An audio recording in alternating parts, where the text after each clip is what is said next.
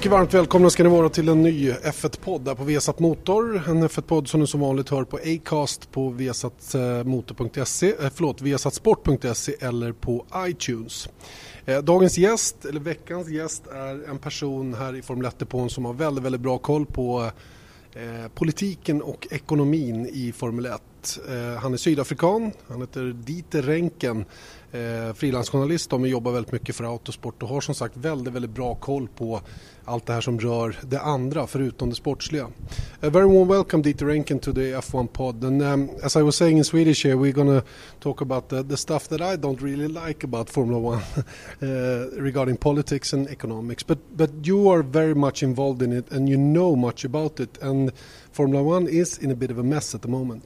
It is indeed, but I think we should also be um, be fairly pragmatic and and open minded about it. Uh, wherever you have a a sport with a global following, one with an awful lot of powerful people in it, um, where there's an awful lot of money in it. You're obviously always going to have politics and polemics, and it's the one constant there is. You know, I've always said to my colleagues who follow the drivers or the technical side, that these things change all the time, whereas in, in Formula One, the politics stays the same. It's always there. Uh, the problem with Formula One at the moment, what is it in, in short?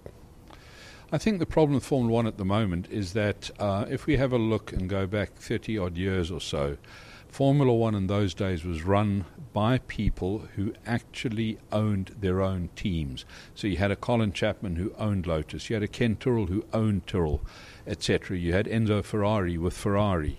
What we have nowadays is uh, team owners who are very often faceless. I mean, Dietrich Mateschitz, uh, the Red Bull uh, man, we very seldom see at a race. We very seldom hear from him unless things start hitting a, a crisis point. So, what you have is uh, employees running teams and yet they are not able to take decisions on the spur of the moment. A Ken Tyrrell or a Colin Chapman could take a decision immediately. It was his company, his team. He could do what he wanted to. Now they've constantly got to defer to, to their seniors, to the team owners, etc. And I think this has led to a convoluted decision taking process where people uh, sit around a table, they discuss ideas, everybody thinks it's a great idea, they go off, they tell their boss, and they say, Mr. Owner, this is what we decided. He said, No, I'm not going to pay for that, or I'm not going to do this, or no, this doesn't work for my marketing strategies, or whatever, and then we're back to square one. And that's why we have no real decisions being taken whatsoever. Um, I'd like to, if I may, very briefly try and illustrate my point. In in um, in China, about three years ago, I was standing at the bottom of the big tower. You know where we have the media center wing across the track. I was standing at the bottom, and there'd just been a team bosses meeting, and all the team principals were there. Uh, plus Bernie Ecclestone, and they all came out together. And I had a look at them, and not one of them was actually the owner of the team they were representing. Not one. The person who held the highest shareholding of a team was actually Monisha Kaltenborn, a lady, and what is supposed to be a, a masculine sport. And that's just how crazy the situation has got. And we also have a owning situation with the, with the marketing rights of Formula One in general, which is uh, very special at the moment. Can you explain how it how it how it is and what it looks like? Correct, and this you know comes back to that point because, um, as I say, Bernie came down with these people, and yet, although he is the Formula One Tsar, he only owns 5.5 percent of the company that holds Formula One's commercial rights. So again, Bernie's not able to take a decision. If he decides tomorrow he would like to do this or that or the other, he's got to go to CVC Capital Partners, the owners of the commercial rights, for incidentally 100 years to come. And he's got to say to them, I'd like to do this and this and this. And if they don't want to, they can't afford it, or they don't see the sense behind it, it just doesn't happen. And again, this is why we're in this complex situation that we're in. How did we get to the situation? Um, in the mid 90s, uh, Max Mosley was elected uh, president of the FIA. As we know, the FIA owns the Formula One World Championship. It's actually called the FIA Formula One World Championship. Uh, Max Mosley has been very friendly over the years with uh, Bernie Ecclestone, who then headed up an entity called FOCA, the Formula One Constructors Association. And FOCA effectively uh, managed the commercial rights on behalf of the team owners, all of whom were members of FOCA. Um, and in the mid 90s, Bernie Ecclestone, who was president of FOCA but also had been a team owner with Brabham, for example, uh, he struck a deal with Max Mosley where he said, Well, why don't I lease the commercial rights from you to the sport? I will pay an amount of money, and in return, I'll be able to manage Formula One for my own account, as it turned out, his family's trust's account. And um, effectively, they struck a deal at that stage for 10 years. The deal was extended by three years because of the, um, the period it took to enact it. And then the EU got involved and um, uh, pointed out certain breaches of EU regulations in the deal. And the only way that they could circumvent these was actually to enter into a deal for 100 years because then it fell outside your standard EU lease laws. And uh, that's effectively how Formula One ended up leasing away its commercial rights for a period of 113 years to a private individual, or rather a trust, um, a family trust. Uh, this family trust, in turn, uh, sold percentages in the commercial rights holding entity to some banks uh, who in fact acquired them via a, a liquidation and administration procedure. Um, and they then ended up controlling these rights. And the banks wanted out, and they sold the majority rights to CVC Capital Partners.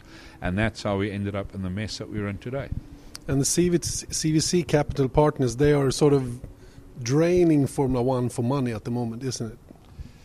When we say draining uh, Formula One, what a capital fund, a venture fund, exists to do is to provide maximum returns for their shareholders or fund holders. Um, and what they did is they have borrowed heavily against Formula One's future income in order to pay the shareholders and the fund holders.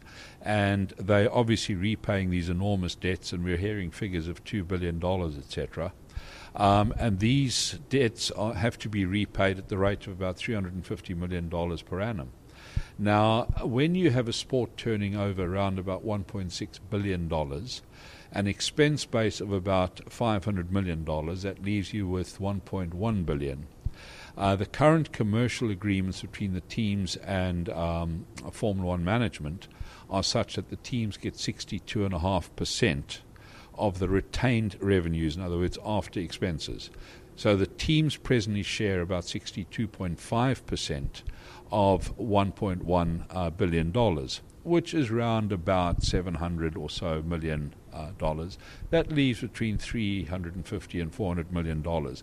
However, of that, CVC, and when I say CVC, the um, uh, the, the the fund holding company is actually repaying the debt at the rate of $350 million. So there's no money left. So when a team like Lotus arrives and says, We're cash strapped, we need more money, Mr. Ecclestone, you've got to help us, he can't. There is no money. Whatever is left over in the pot is actually going to pay these loans. Um, so this situation is very extreme to me anyway, because I, I, I, it's all news to me in detail how it looks. Um, but who is sort of responsible for the situation that we have a CVC who borrowed a lot of money to to buy these rights and and and making Formula One cash strapped? Well, I think if we if we're looking to find a culpable party to blame, we actually have to blame the Max Mosley administration because they allowed the deal to go ahead. Um, at that stage, yes, the original intention was 10 years, which is a reasonable figure. Um, in fact, um, FIM and Dorna, the, the MotoGP promoters, work on a 10 year period. Sometimes it's been as low as five years.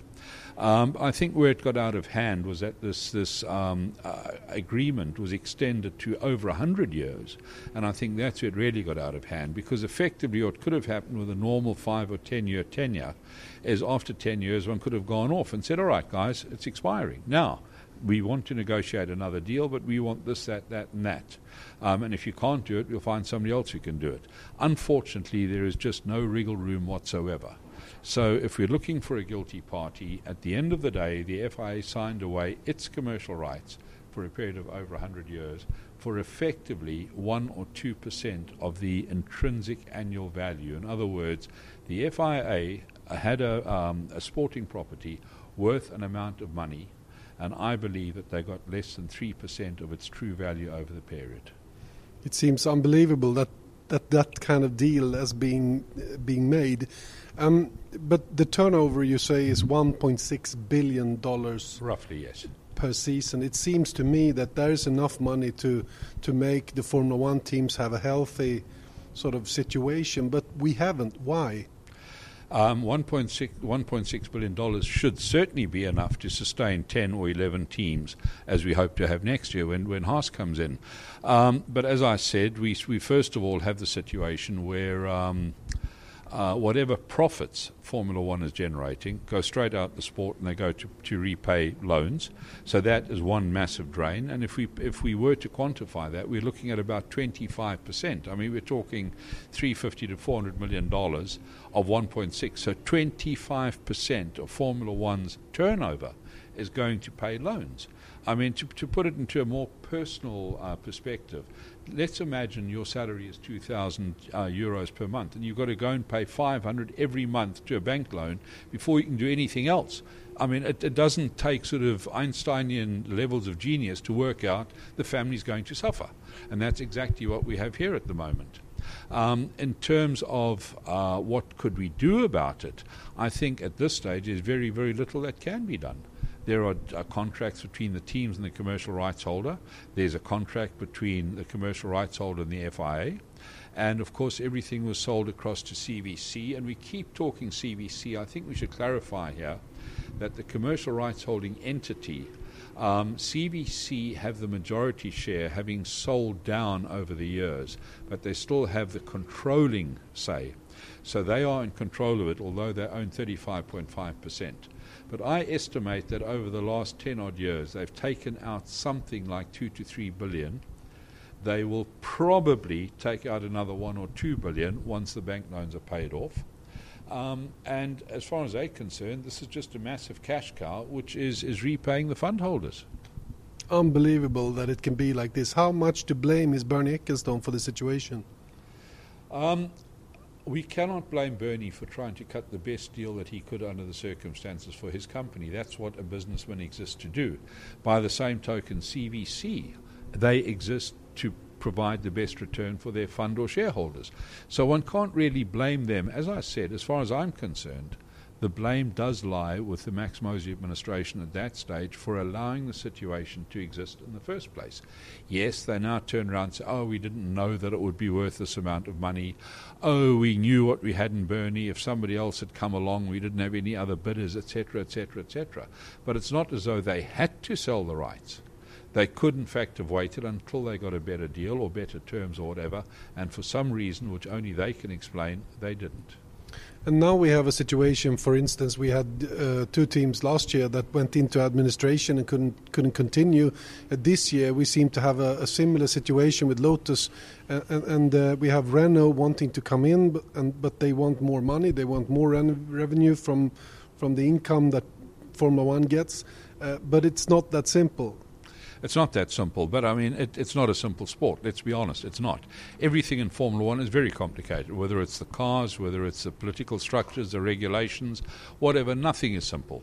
Um, but but ultimately, you're correct. We, we have Lotus, which is sort of teetering. I mean, as we speak, I believe the team people from Lotus are being fed by other teams because the team just doesn't have its own hospitality area here because apparently the money they were supposed to have sent hasn't arrived.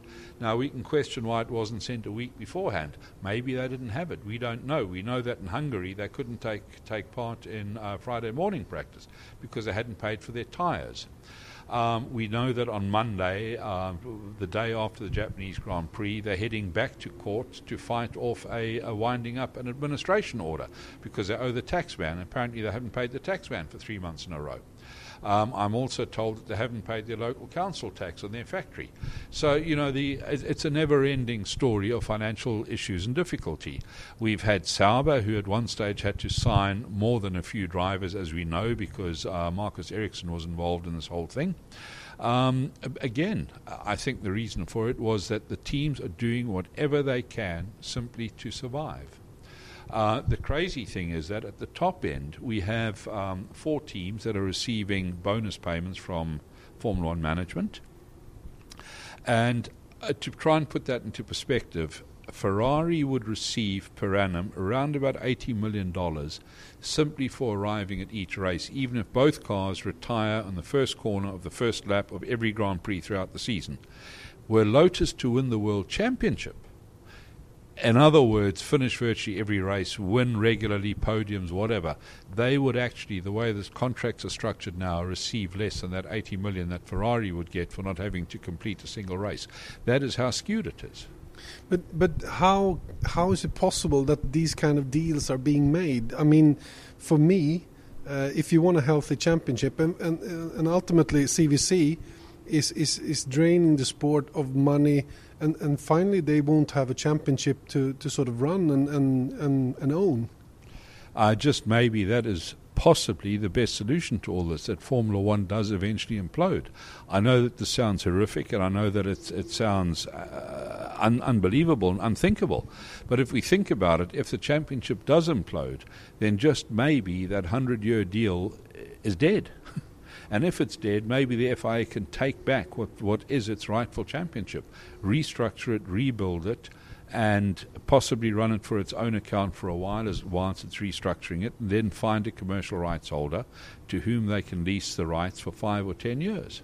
But, but in your opinion, do you think that Formula One could survive an implosion? In its present state, no, it can't, and that becomes increasingly clear. Um, for example, we have Renault, as you correctly pointed out. They'd like to come in. They can't come in because everything is stacked against them. The financial structures are tied up through till 2020. Even if Bernie Ecclestone, as uh, CEO of Formula One management, wished to pay Renault something separately to incentivize him to come in, he can't because he's got contracts with all the other teams that prevent this from happening. Renault would like to be on the strategy group. They can't because the strategy group is so finely balanced where you have six teams, five of whom have a place by right, one team which represents all the other independents, and then you have the FIA and, and uh, Formula One management. Each of these three groups have got one vote each. Uh, sorry, six votes each. Yeah. So the six teams, one each, six for the FIA, six for FOM.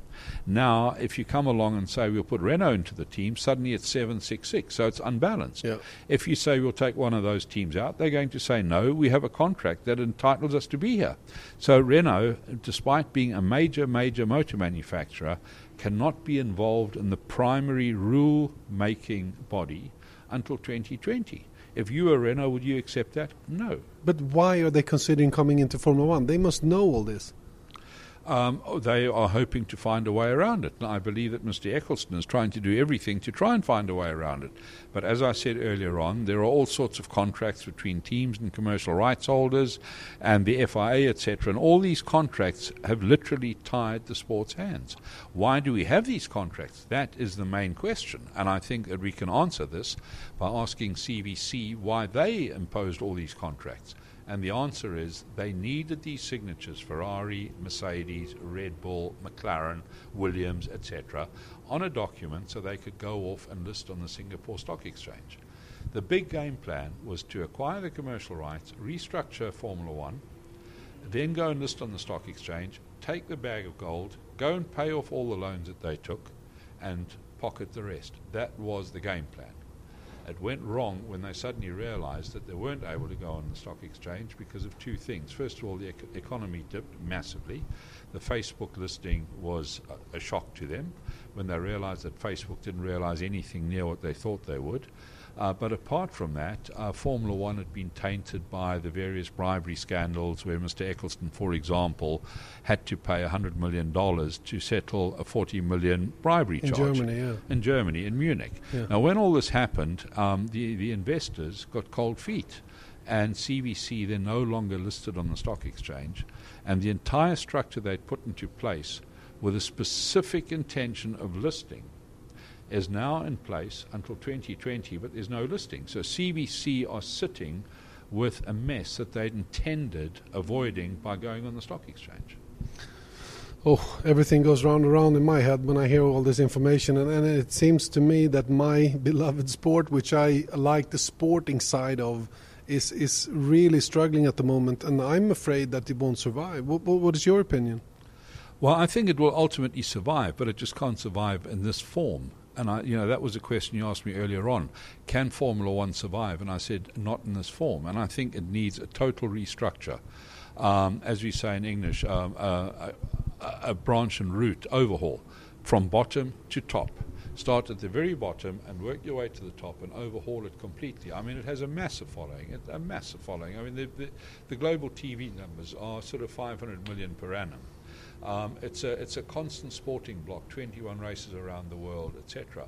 So, of course, of course, it is a, a vibrant sport. Um, there's nothing wrong with it intrinsically. It is the way that it is managed, or in fact, the way it is mismanaged. That Here's a cool fact a crocodile can't stick out its tongue. Another cool fact you can get short term health insurance for a month or just under a year in some states. United Healthcare short term insurance plans are designed for people who are between jobs, coming off their parents' plan, or turning a side hustle into a full time gig. Underwritten by Golden Rule Insurance Company, they offer flexible, budget friendly coverage with access to a nationwide network of doctors and hospitals. Get more cool facts about United Healthcare short term plans at uh1.com. Needs a complete overhaul, and this all comes back to CVC's management of the sport. They are the commercial rights holders, they are the managers of Formula One under this lease agreement, and frankly, I think the evidence is such that they've mismanaged it. So, uh, what what is Jean Todt as uh, the FIA president at the moment? What is his stand in this situation that he has on his hands? Well, I think we need to first of all have a look at what John Todt inherited, because of course the deal that we were talking about was, was struck by his predecessor, Max Mosley. So Jean Todt inherited a situation uh, whereby his hands were basically tied by this 113 year deal. Um, when when John came in, they had just renegotiated a new Concorde agreement. John was, was first elected 2000, end of 2009, and the replacement Concorde came into power on the 1st of January, but that had been signed in July already um, had been signed in July. So Jean inherited uh, this commercial rights deal and a Concorde agreement, which is basically the governance procedure. Um, so he had to make the best of what he'd inherited. In addition to that, we must never forget that unlike other sporting bodies, FIFA, for example, or the Olympic Committee, or whatever, uh, these bodies exist purely to promote and administer that particular sport. So FIFA looks at football. FIFA looks at football. Um, when they do that, 90% of their focus is actually on the World Cup. 10% is on the, the Women's World Cup. But that's it um, equally with the Olympic Committee. All they keep looking at is their Olympic Games every four years. The FIA is completely different. It's a motoring organisation, a global motoring organisation, which exists not only to administer motorsport, but also to look at, at safety, automobile safety, to look at automobile clubs, touring, travel, etc. So Jean Todt's brief goes way beyond purely the sporting side. And let's not forget that Formula One is only one part of a massive sporting portfolio. You've got the Formula One World Championship, you've got the World Endurance Championship, the World Rally Championship, the World Touring Car Championship, you've got off road commissions with the, the Dakar, you've got all sorts of different sporting types. They get involved in classic racing and vintage racing and historic racing, you know, whatever. Um, if, if, if you want to go and race a car in Papua New Guinea, you need to get a license from the local motor club, and that local motor club is affiliated to the FIA. If you want to go and play football in Papua New Guinea, you don't have to get a license from anybody. You go and buy a ball.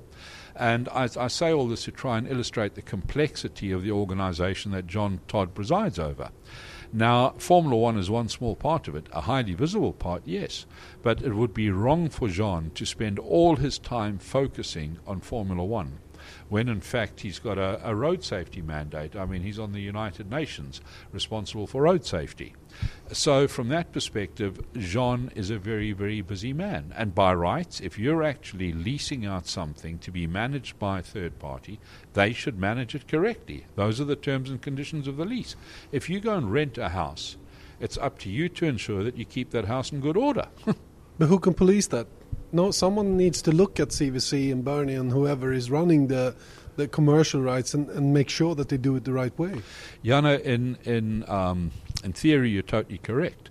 But we need to look, and this unfortunately nobody's really seen, but we need to look at the terms and conditions of the original lease. I don't believe that John has just closed his eyes and said, Well, I don't care about it.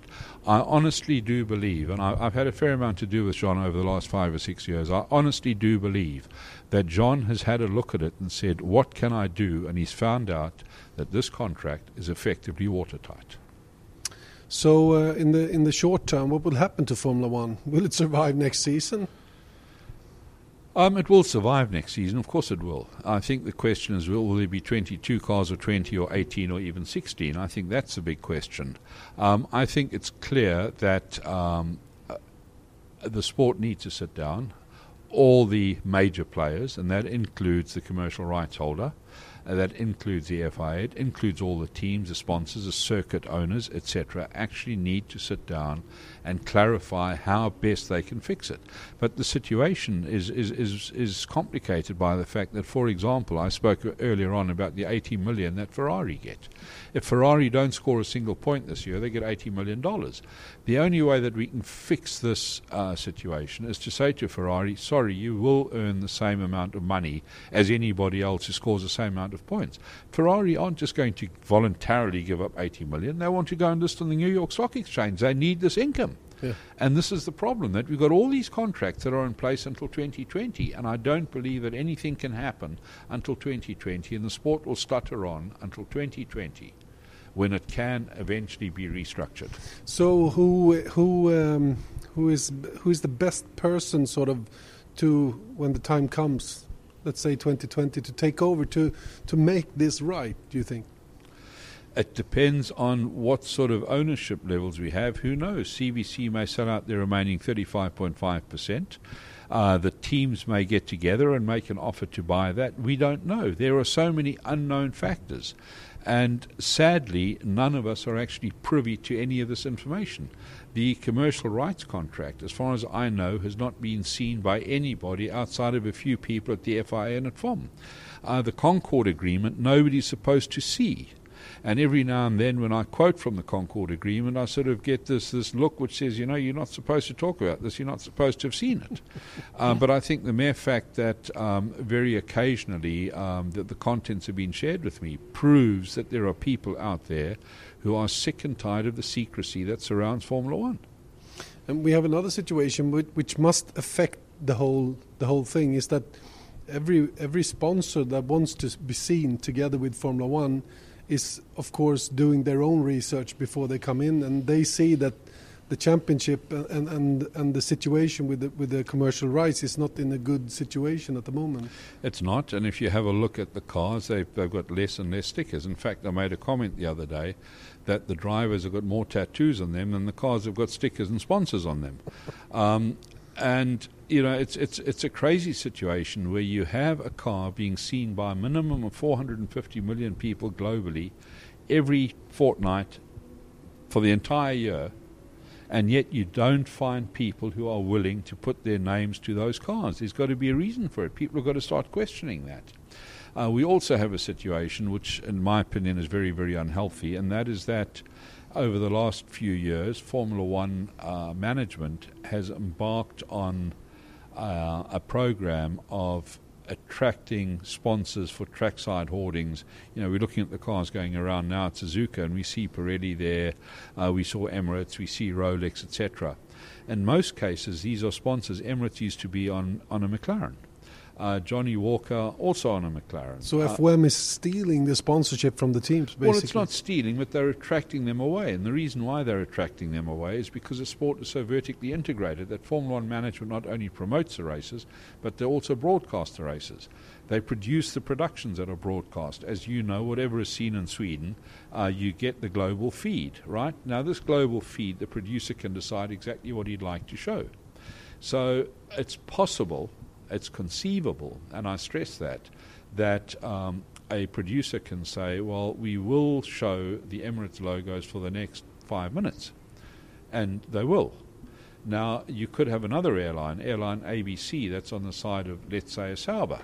And the producer may say, I don't want that airline logo to be seen, so the Sauber doesn't get seen.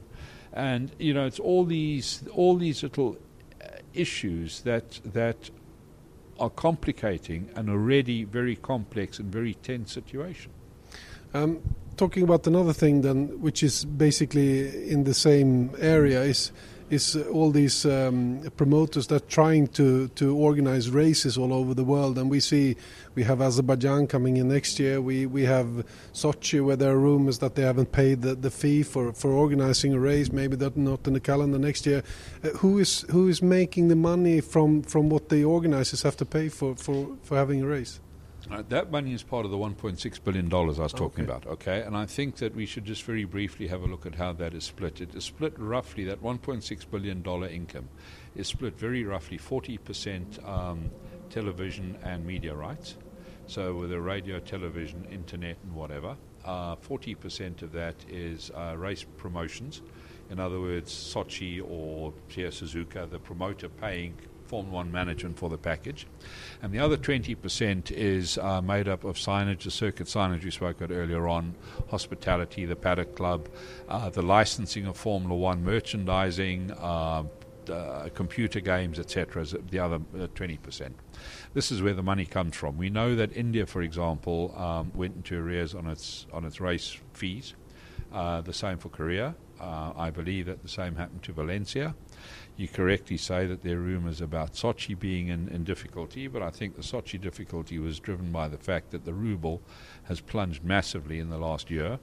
So, where they thought they were paying 30 or 40 million dollars, uh, which could be, I don't know, 500 million rubles, suddenly it's still only 30 or 40 million dollars, but it's now 800 million rubles. Now, of course, they've got to find that. Yeah. In addition to that, the country's economy has suffered, so they've got to charge more for the ticket prices to recover this 800 million or whatever it is.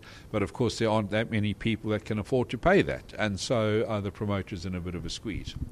Um, but but that's effectively the background to this 1.6 billion.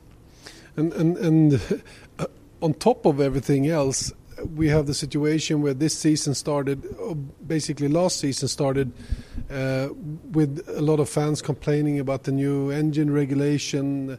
Uh, everyone was sort of making bad remarks about the sport and everything. It seems that that came at a very bad timing. It did indeed, but I think again it's it's proof of the politics in Formula One. Um, and again, I think we need to be very pragmatic. Everybody blames the, form, the, the FIA for the engine formula that we have. Yes, the F, the FIA is the regulator, the sports regulator, but ultimately the regulatory process is such that all the teams had input into the engine formula. So did Formula One management. Everybody had input into this. The engine formula was designed ba- devised back in 2009. It was formulated in 2010. It then they changed from four-cylinder inline to V6 in 2011, going into 2012. All the teams were involved. Uh, Formula One management was involved. Um, everybody was involved, and they believed that this was the right way forward.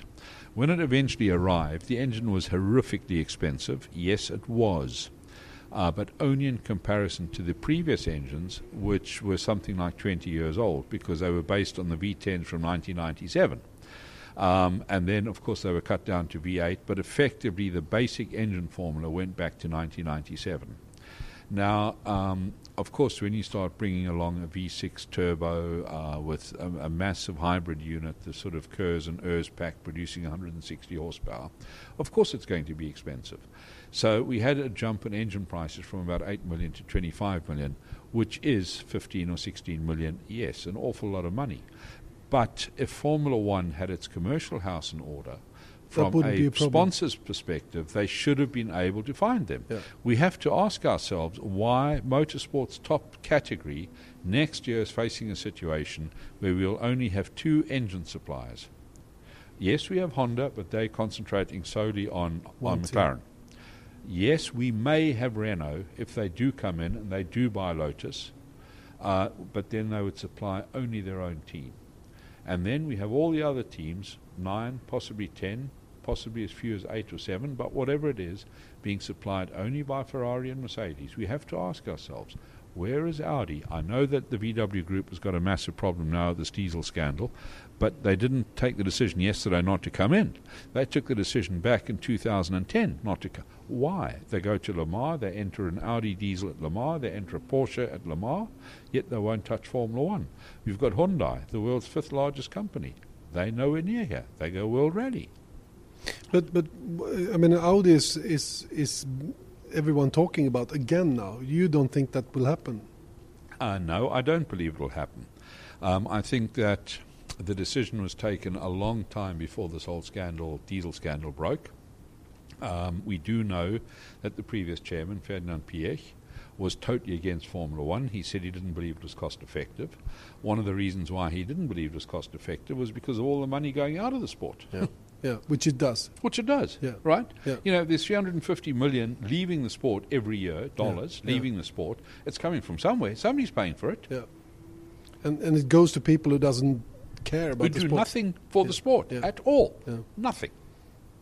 Uh, it's a it's a very strange situation. Okay, um, now we have a sort of a a big picture of of the mess which I started with that Formula One is in, and and I asked you if if Formula One is in the short term going to survive this, and you said, well, it will.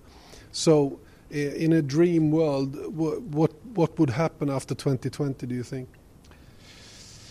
Well, I think first of all, the, the obvious question that has to be asked is uh, what happens to Bernie Ecclestone? Um, he's heading for his 85th birthday shortly. I think the biggest indictment of his management, and therefore by extension CVC's uh, control of the sport, is that there is no clear cut succession plan in place. I find it absolutely incredible that a multi billion dollar business does not have a succession plan in place. You know, every family business, the owner of the business says, All right, well, I'd like to leave it to my sons. Which son is the best one to run it? And he then ensures that this particular son is trained up accordingly. If he's got two sons, he may say, well, this one can run the engineering side and that one the financial side, but they have a clear cut uh, succession plan in place.